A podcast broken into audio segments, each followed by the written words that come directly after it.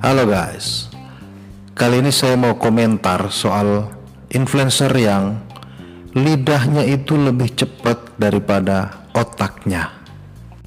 Maraknya influencer mengumbar pernyataan di depan umum yang mengundang kontroversi membuat kita semua makin resah. Kita sadar bahwa di era digital yang serba cepat sekarang ini, di mana siapa pun dapat mengumumkan kebodohannya sendiri melalui media sosialnya, saat ini adalah konsekuensi dari kian berkembangnya sarana teknologi khususnya di media sosial. Nah, baru-baru ini ada pernyataan mengejutkan dari seorang influencer yang melelang keperawanannya. tak tanggung-tanggung, biddingnya dibuka di angka 2 miliar rupiah.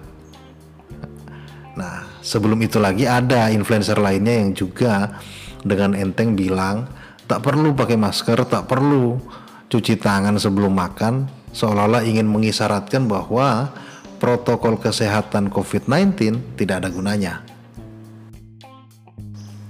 Kedua influencer ini sudah minta maaf secara terbuka, sudah juga melakukan klarifikasi. Tapi apakah itu cukup? Mari kita bahas satu persatu. Pertama soal lelang keperawanan. Nah, ini tindakan ini dilakukan oleh salah satu influencer namanya Sarah Kiel. Kamu semua pasti udah tahu karena berita ini viral banget.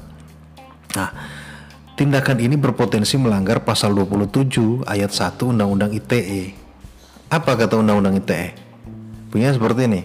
Setiap orang dengan sengaja dan tanpa hak mendistribusikan dan atau mentransmisikan dan atau membuat dapat diaksesnya informasi elektronik dan atau dokumen elektronik yang memiliki muatan yang melanggar kesusilaan. Nah, yang dilakukan oleh Sarah Kale itu memenuhi unsur dalam pasal ini. Dia mengumbar konten-konten yang melanggar kesusilaan. Iyalah, lelang keperawanan kan melanggar susila. Lalu apa ancaman hukumannya? Di pasal 45 Undang-Undang ITE disebutkan bahwa ancaman hukumannya itu pidana penjara paling lama 6 tahun dan atau denda paling banyak 1 miliar rupiah.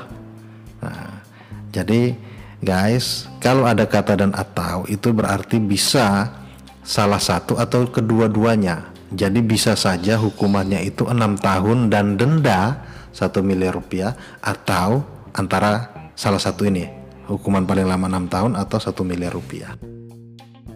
Well, buat Sarah Kill sisihin deh eh, satu uh, miliar dari hasil lelangnya itu untuk bayar dendanya.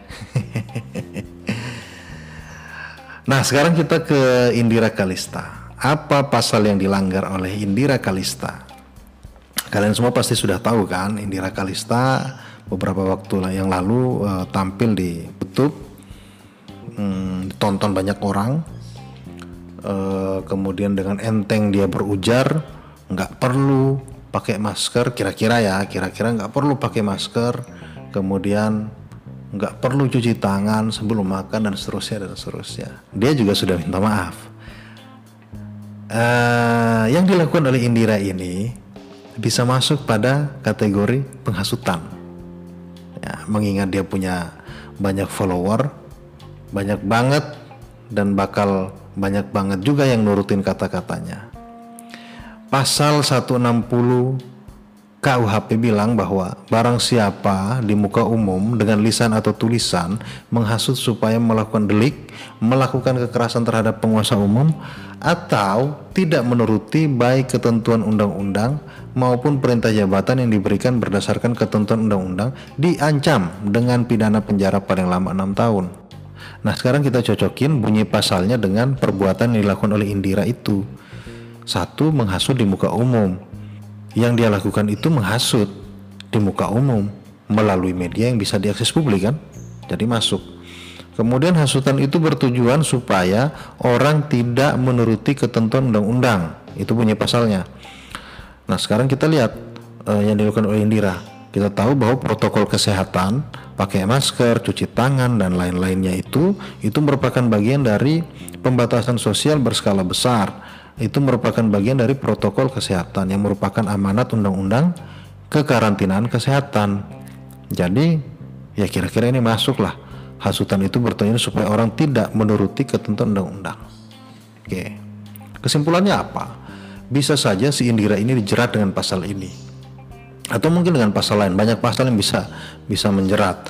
Misalnya saja uh, di Undang-Undang ITE pasal 28 itu ada perbuatan yang dilarang juga yaitu menyebarkan berita bohong, menciptakan me, yang kemudian me, yang kemudian menimbulkan keresahan, kecemasan di tengah-tengah masyarakat itu juga bisa dipidana.